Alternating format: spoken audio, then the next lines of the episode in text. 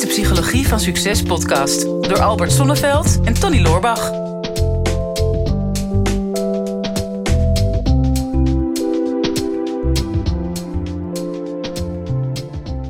Albert, je ziet een beetje bleekjes. Ja, ja de, de bitcoin is naar beneden gegaan. Ja.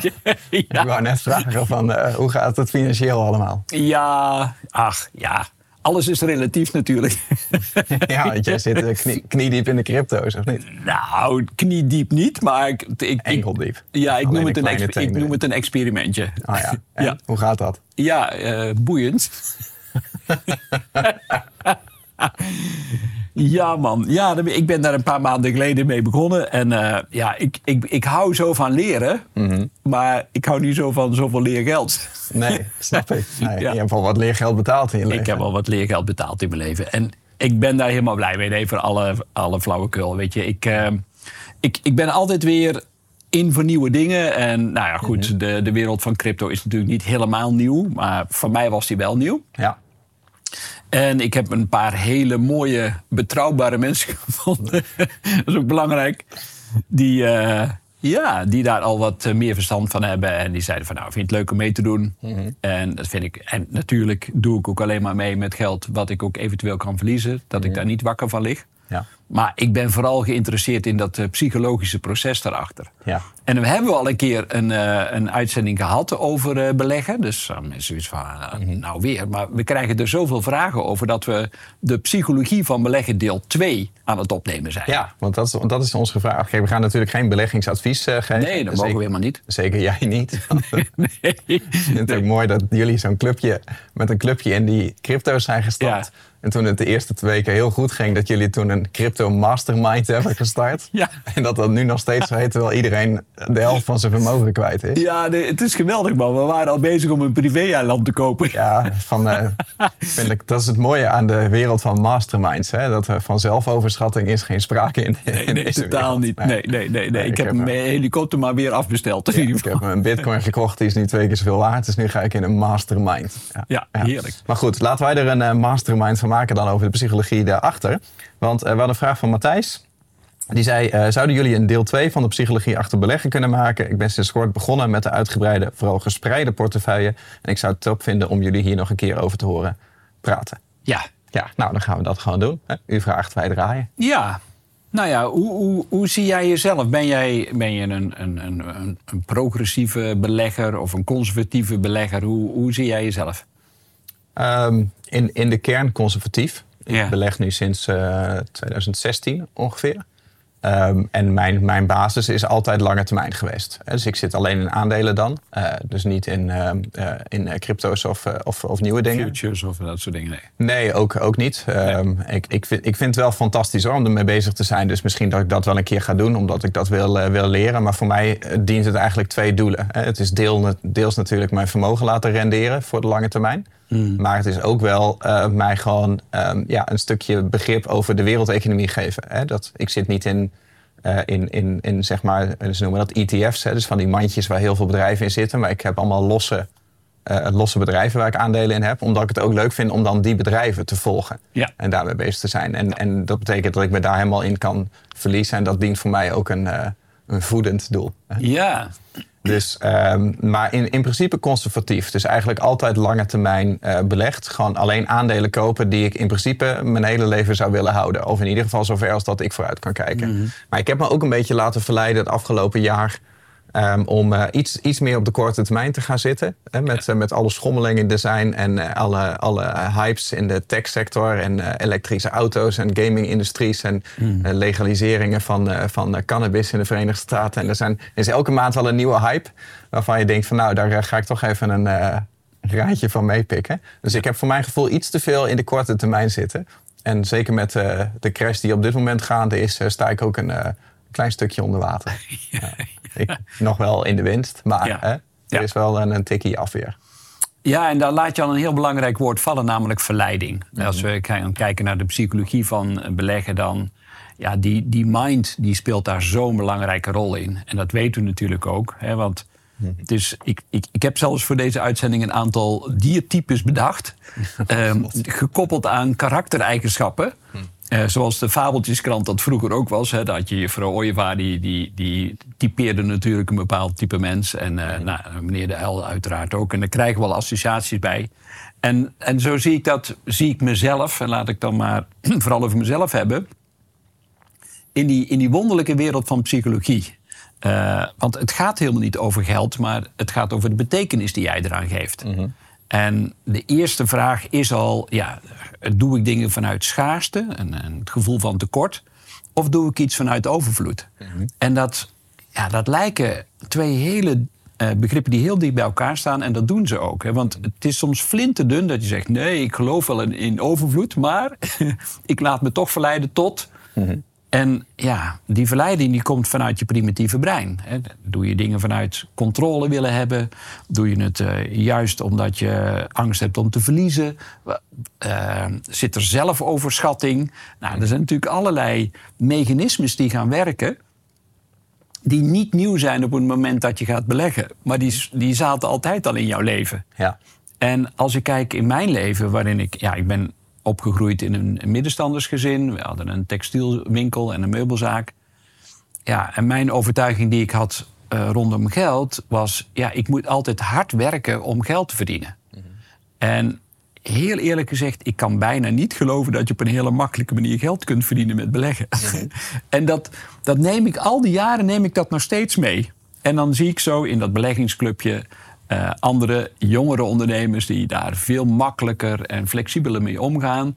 En ik merk dat ik, dat ik mezelf op een bepaalde manier ook nog afren vanuit die oude overtuiging. Ja, maar kan dat dan zo makkelijk? Maar dat is dan toch andermans geld of zo. En hoe komt dat dan bij mij terecht? Mm -hmm. En dan kun je, kunnen ze er allerlei technische verklaringen voor geven. En marktwerking en zo. Maar het landt iedere keer weer op die overtuiging van... ik moet hard werken om geld te verdienen. Kan, kan ik daar nog van afkomen, Tony? Nee, jij niet meer. nee, nee, ja. maar zo hard werk jij natuurlijk niet meer. Nee, nee, nee dus dat valt, dat valt wel mee. Valt nee, maar dat, dat, ik denk dat dat wel een interessante overtuiging is. En er zit een heel groot verschil hè, tussen ook een beetje bijvoorbeeld de, wat, wat jongeren... die eigenlijk toch allemaal meer korte termijn gefocust zijn. Hè, omdat zij vaak met een, een kleiner kapitaal beginnen. En als je zegt van nou, hè, jouw hele bezit is, laten we zeggen, 5000 euro... En, en, je zegt van nou, als je dat nou goed belegt, dan heb je over tien jaar heb je, heb je, heb je misschien wel 15.000 euro. Ja, dat is niet zo aantrekkelijk als je kan het ook morgen verdubbelen. Ja. En, en als je wat, wat, wat, wat ouder bent, of je hebt een, een wat groter vermogen wat jij niet nodig hebt. En je zegt bijvoorbeeld van nou, je hebt uh, uh, 100.000 euro. Hmm. En je zet dat gewoon weg. En dat is over tien jaar is dat 150.000 euro. Ik noem maar even iets dat, dat, wordt, dat gaat al aantrekkelijker klinken. Hè? Om dat gewoon op een veilige manier weg te zetten en gewoon mee te laten ontwikkelen met, met de economie. En, en dat zit toch vaak gewoon uh, ja, een, stukje, ja, een stukje nieuwigheid, een stukje levenservaring. Maar met name ook gewoon heel erg in, in verliesaversie. Hè? Mm. En verlies heb je eigenlijk op twee manieren. En verlies heb je dat je er niet op achteruit wil gaan. Ja. Hè? Dus dat je geen geld wil verliezen op de beurs. En dat speelt je vaak parten op het moment dat je een aandeel hebt gekocht, of een crypto, of een NFT of een, pla een plaatje van een aap.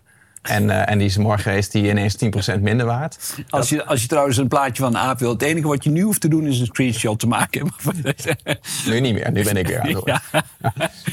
Nee, maar wat, hè, daar zie je natuurlijk vaak in die hypes. Dat daar, daar treedt al een raar psychologisch mechanisme op. Dus laten we zeggen, ik zie een aandeel waarvan ik denk van nou, ik denk dat dat aandeel meer geld gaat meer geld waard gaat worden. Of, of nou een plaatje van een aap is of een bitcoin. Waarvan ik denk, ik ga dat nu kopen op deze prijs. Want ik verwacht dat het meer waard wordt. Anders zou ik het niet kopen. Hmm. En de volgende dag is het ineens 10% minder waard. Dan komt er vaak verliesaversie. He, van ik ben nu aan het verliezen, ik wil niet nog meer verliezen. Dus mijn vertrouwen van gisteren, dat die uiteindelijk meer waard wordt... Hmm. is ineens als sneeuw voor de zon verdwenen. En daarom ga ik het waarschijnlijk in de haast met verlies verkopen. Ja. Wat eigenlijk een heel raar contra-intuïtief iets is. He, want, want je hebt het met een overtuiging gekocht. En het feit dat hij nu 10% goedkoper is, zou eigenlijk betekenen dat je er meer van moet kopen. Als jij nog steeds vertrouwen hebt in. En dat is bij een aandeel misschien makkelijker dan bij een plaatje van een aap, hè, als het over korte hypes gaat. Dus dat is het eerste verlies wat optreedt. Het andere verlies wat optreedt is, is uh, de fear of missing out, FOMO. Mm. He, dus jij hebt een solide aandelenstrategie, bijvoorbeeld. Of je hebt een solide vastgoedstrategie. Of je hebt het in een oude sok zitten. Maar je hebt in ieder geval een strategie Hmm. voor waar je geld de komende 10, 20, 30 jaar naartoe moet. Maar ja, dan zie je ineens jouw uh, buurman of iemand in je vriendenkring. En die heeft een hype en die heeft net vorige week eh, zijn muntjes verdubbeld. Ja. Dan, Ja, dan, ben jij de sukkel natuurlijk. ja, maar dan ga je toch meedoen. En ik weet dat eh, ehm, een, eh, een, eh, een goede vriend van ons, eh, die, die quote ook een, een inspirator die hij had gehoord over aandelen. Die had gezegd van, ik kan het me permitteren om een miljoen te verliezen op dit aandeel. Maar ik kan het me niet permitteren om niet 50 miljoen te verdienen. En dat, Ja. en dat is natuurlijk ook, daar zit puur die, die FOMO. En natuurlijk, als je, als je dat hebt, dan kun je dat gaan spelen. Maar dat zijn eigenlijk je, je grootste vijanden. En ik heb het idee dat naarmate je wat ouder wordt, of je hebt wat vaker met beleggen te maken gehad, dat je daar minder last van hebt. En als je nieuw bent, dat je heel erg in die twee angsten aan het worstelen bent. En dat je daarom zo volatiel te werk gaat. Ja, en daar gaat de beurs dan ook weer op mee. Hè? Ja. Want dat, dat, dat is natuurlijk wonderlijk. Zeg, hoe, hoe kan die beurs nou zo in één keer zo sterk gaan schommelen? Mhm. Ja, dat heeft te maken met dat er een soort massapsychologie bezig is. eh, dat, dat mensen op, op die mechanismes dan gaan reageren. Ja. Ik heb ze nog even opgeschreven, dus ik kijk nog even mee op het scherm. ja. Maar ehm, dus de stress of de verleiding van verkeerde percepties. Dus van, oh ja, nou ja, ik dacht dat ik het goed voor begrepen had, maar blijkbaar zit de wereld toch anders in elkaar. Zelfbedrog. Je kunt even meeschrijven nu, hè, en je kunt jezelf ook vinken of scoren op een schaal van 0 tot 10. Dat je denkt, oh ja, nou, eh, heb, ik, neem, heb ik wel eens verkeerde percepties? Ga er maar vanuit dat je die hebt. De hele wereld is namelijk een illusie. Ja. En al helemaal eh, de, de financiële wereld die, die, die ja, zo fluïde is als het maar zijn kan. Het is niet tastbaar. Ja, want ik bedoel, kijk, eh, de, het geld was ooit gekoppeld natuurlijk aan de goudkoers. En dat was al fictief, want wij hebben als mensheid ooit bedacht dat goud waardevol was. Dat Ja. lag hier toevallig op deze planeet. Maar toen sloeg het nog ergens op. Maar geld is nu natuurlijk gewoon fictief. Hè? Geld heeft, heeft in principe geen waarde anders dan de waarde die wij er met z'n allen aan, aan toekennen. Nee, nee. Nou, verkeerde perceptie, zelfbedrog. Verwoed proberen om verliezen te vermijden. Nou ja, nou dan, dan kom je natuurlijk op het FOMO. Wanhopig te troost zoeken bij andere slachtoffers. heb jij het ook zo beroerd? Ja, ik heb het ook zo beroerd. Ja, mastermind. Ja, de mastermind bijvoorbeeld. En eh, de realiteit buitensluiten. Dat heeft natuurlijk ook wel met verkeerde percepties te maken. Maar dat is vaak wel wat er in de psychologie met je gebeurt. En je ontkomt er niet aan. Ik, ik denk zelfs de meest doorgewinterde belegger... Ja, je komt steeds weer op een volgend niveau terecht. En je wordt toch steeds weer uitgedaagd. Omdat ja, je moet je steeds opnieuw verhouden... ten opzichte van die veranderende omstandigheden. Ja. En hè, je had eh, misschien 10, 20 jaar geleden hele degelijke aandelen eh, van degelijke bedrijven. eh, waarvan in ieder geval de berichtgeving eh, heel positief is geweest, jaar op jaar op jaar, dividend eruit. Maar ja, welkom in de wereld van corona. Als je, als je nu nog aandelen Kodak hebt. Omdat je nog steeds gelooft dat die rolletjes, eh, die filmrolletjes nog terug gaan komen. Ja, die gaan niet meer terugkomen. Nee. Eh, dus ja, en zo heb je natuurlijk voortdurend eh, verandering ook binnen de maatschappij. En die gaat razendsnel. Maar dat betekent dat je jezelf iedere keer weer opnieuw moet verhouden ten opzichte van die veranderende omstandigheden. En als je dat niet kunt, dan heb je stress. Ja, maar, maar, dat, dat is denk ik van alle tijden, weet je. Als jij twintig jaar geleden aandelen Nokia had... eh, dacht je ook eh, gewoon een wereldspeler te hebben... en een van Ja. de grootste, meest waardevolle bedrijven van dat moment. En daar is nu natuurlijk eh, helemaal, eh, helemaal niks meer van, eh, van over. Of Nee. zei het dat je als je een half jaar geleden was ingestapt... dat je het nu erg goed gedaan hebt eh, als een nieuwe 5G-speler. Maar dat, als, dat heeft niks meer te maken met de koersen die je toen had. Nee. Dus er zijn altijd natuurlijk... Er is nooit een garantie. Oh, ik, ik, denk- ik denk in Nokia. Ik denk, het gaat over een automerk dat je niet moet Nee, kopen. niet gekocht. Nee. Nee. nee, maar er is natuurlijk nooit een garantie. Maar daar Nee. kun je natuurlijk risico's wegnemen door zoveel mogelijk te spreiden. En aandelen, vastgoed, eh, edelmetaal, eh, crypto's, NFT's, ehm, eh, wat, wat dan ook. Je eigen bedrijf. Dus Hmm. ehm, je, kan, je kan het zo, zo ver mogelijk spreiden. En hoeveel te meer spreiding je in je leven aanbrengt, des te minder het risico. Maar des te minder ook de, de echte upside natuurlijk. Hè? Ja. Eh, want, want je neemt ook alle, alle verliezen neem je daarmee automatisch mee. Ehm, en, en, dat, en dat is iets wat je moet leren. En dat is vaak in het begin is dat niet, eh, is dat niet zo heel interessant als je, als je net gaat beginnen. Ja. Ja, maar jij had een aantal dieren. Ja. ben ik wel benieuwd naar welke jij eh, daarvoor Ja, je mag er je eigen invulling aan geven. Maar ik had bijvoorbeeld de kip zonder kop. En ehm, die, die blijft te veel vertrouwen op verkeerde aannames en informatie. Eh, ja, dus die blijft overal maar een beetje achteraan hollen. Maar ja, te veel blijven vertrouwen op iets. Ja, iets heeft goed gewerkt, dus dat moet nu goed blijven werken. en tegen beter weten in. Ik heb dat soms ook wel. Dan weet ik van wat. Ik, als ik in een auto zit en een metertje valt uit. En ik blijf daar maar op kloppen. In, in, de, in de hoop dat het dan in één keer weer beter gaat worden. Terwijl ik weet, ja, dat ding is gewoon kapot. Waarom zou ik daar in godsnaam nog op blijven kloppen? Maar dat zit zo in jouw beeld. En dat beeld, daar hou je aan vast. Maar ondertussen is de realiteit al veranderd. Maar je kunt gewoon niet loskomen van dat beeld. Nou, dat merk ik in de psychologie heel veel. En of het dan gaat over een relatie of een bepaald toekomstbeeld wat je hebt. En dat komt niet uit. Dat je tegen beter weten in toch steeds maar blijft vasthouden aan dat beeld. En blijven geloven in dat aandeel. Terwijl het van alle kanten eruit loopt en iedereen zegt je moet eruit weg. Nee, maar het zal, hoe dan ook, Ja, ja. zal het nog goed komen. Ja, kijk, en als je dat gebaseerd hebt op omdat jij de eh, jaarverslagen leest en de cijfers kan interpreteren en weet wat het bedrijf doet en wat het de komende tien jaar gaat doen, dan, dan is dat nog iets anders dan wat 99% van de beleggers doet. En dat is namelijk gevoelsmatig op basis van hoe de koers ooit is geweest. Ja. En dan, dan krijg je inderdaad nog wel eens van hij heeft ooit hoog gestaan, dus hij zal vast ooit nog wel weer daar in de buurt gaan komen. En dat is vaak niet de allerbeste beslissing. Dan hebben we de ezel. De ezel blijft vasthouden aan eerdere keuzes en beslissingen. Aardig koppig. Terwijl de hele wereld zegt, gewoon maar... eh, Zou het niet tijd worden voor een andere strategie? En dat je nog heilig blijft geloven in die strategie. Dus, Ja. dus die ezels, die, eh, die heb je ook wel. En dan, ehm, ja, de koe eh, staat bij mij voor het eh, kuddedier. Eh, niet de melkkoe, ja. cash cow. Kees, daar hoop je dan op. ja, die blijven maar bevestiging zoeken bij andere, bij andere mensen. En ja, en dat is natuurlijk het moeilijke. De buurman die heeft gecashed met een bepaald aandeel. En je denkt, oh ja, maar eh, als ik dan maar dicht tegen hem aan blijf schurken... want hij zal het wel weten. Ja, ja. Maar het lastige is, zeker in deze tijd... er is geen autoriteit meer die nog iets kan voorspellen. Nee. Eh, en daar, daar blijf je maar in geloven. Maar uiteindelijk is het jouw geld. Eh, het is ook jouw keuze. Maar het is ook vooral jouw beeld van de wereld wat je erover hebt. Want wat ik al zei, hè, denk je nog vanuit schaarste of denk je vanuit overvloed? Waarom zou je anders überhaupt beleggen? En dat is ook wel een, een vraag die ik mezelf eh, gesteld heb toen ik in dat eh, crypto gebeuren stapte. Van waaruit doe ik het nu echt? Doe ik het nu om nog een soort financiële zekerheid te krijgen? Of doe ik het om, ja, om, het, om het spel beter te snappen? Is het een avontuur voor mij? Of doe ik het toch nog vanuit ergens een bepaald gevoel van schaarste en krapte? En durf ik wel echt te geloven op overvloed? In, in overvloed? Want als ik heel eerlijk ben, is er altijd voor mij gezorgd. Hoe dan ook. Ja. Ik heb altijd de dingen gekregen die ik nodig had. Niet altijd wat ik wilde, maar wel wat ik nodig had. Maar als ik heel diep van binnen kijk, geloof ik daar niet altijd in. Terwijl ik honderden bewijzen heb gehad dat het altijd weer goed komt. Ja. Hoe dan ook. Hè, zeker in de begintijd van mijn opleidingsinstituut dacht ik... hoe ga ik ooit eind van de maand halen met de financiën... met de salarissen en de investeringen, noem maar op. En dan kwam er toch net weer een klant... die dan precies weer dat missende bedrag weer wist aan te vullen. Denk ik. En dat heb ik honderden keren meegemaakt in mijn leven. En toch wil ik dan de controle zelf in hand houden door de beste crypto's te kopen.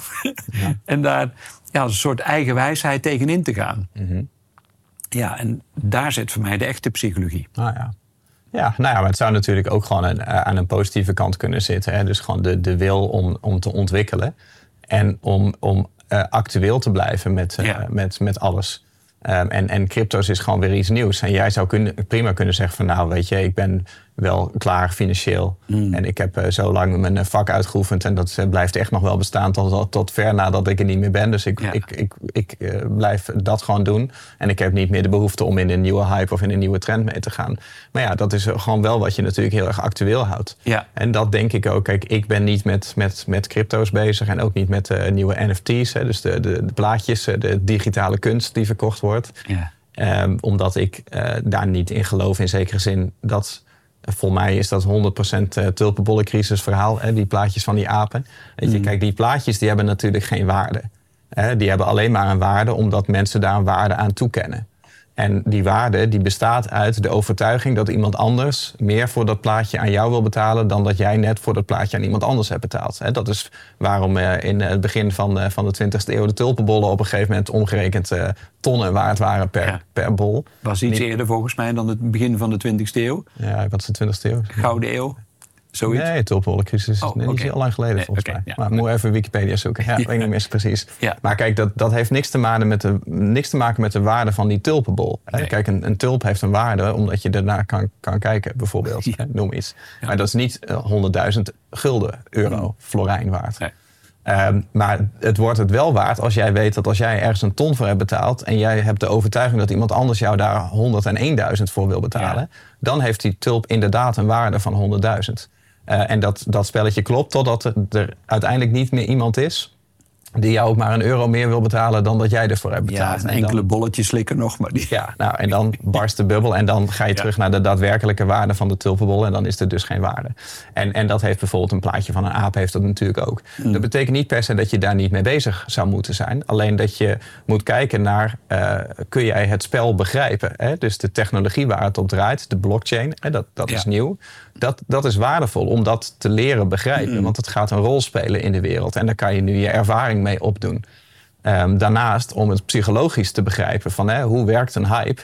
En als jij kan inzien dat een hype altijd een bepaalde ontwikkeling heeft, zoals dat een bitcoin dat ook heeft gehad en zoals dat er heel veel hypes zijn geweest. Van als jij weet dat je vooraan in de hype zit en niet op het einde, dan kun je daar inderdaad geld mee verdienen. En dat is de uitdaging die je hebt als het over beleggen gaat, is dat je niet alleen moet kijken naar kan ik er geld mee verdienen, maar kan ik het, het spel snappen. Hè? Dus zie ik het als een stuk persoonlijke ontwikkeling om de economie te begrijpen, om uh, sociaal-maatschappelijk inzicht te krijgen, om, om, om zelf een beter beeld te geven over een investerersmindset. Hè, kan je je geldspieren trainen mm. om je emotioneel los te koppelen van korte termijn verliezen en te focussen op lange termijn investeringen. Dat, dat is de waarde. En zolang je dat doet met, met geld wat je in principe mag verliezen, dan, dan is er eigenlijk altijd alleen maar upside. Hè? Of je verdient geld of je leert, of je leert een les.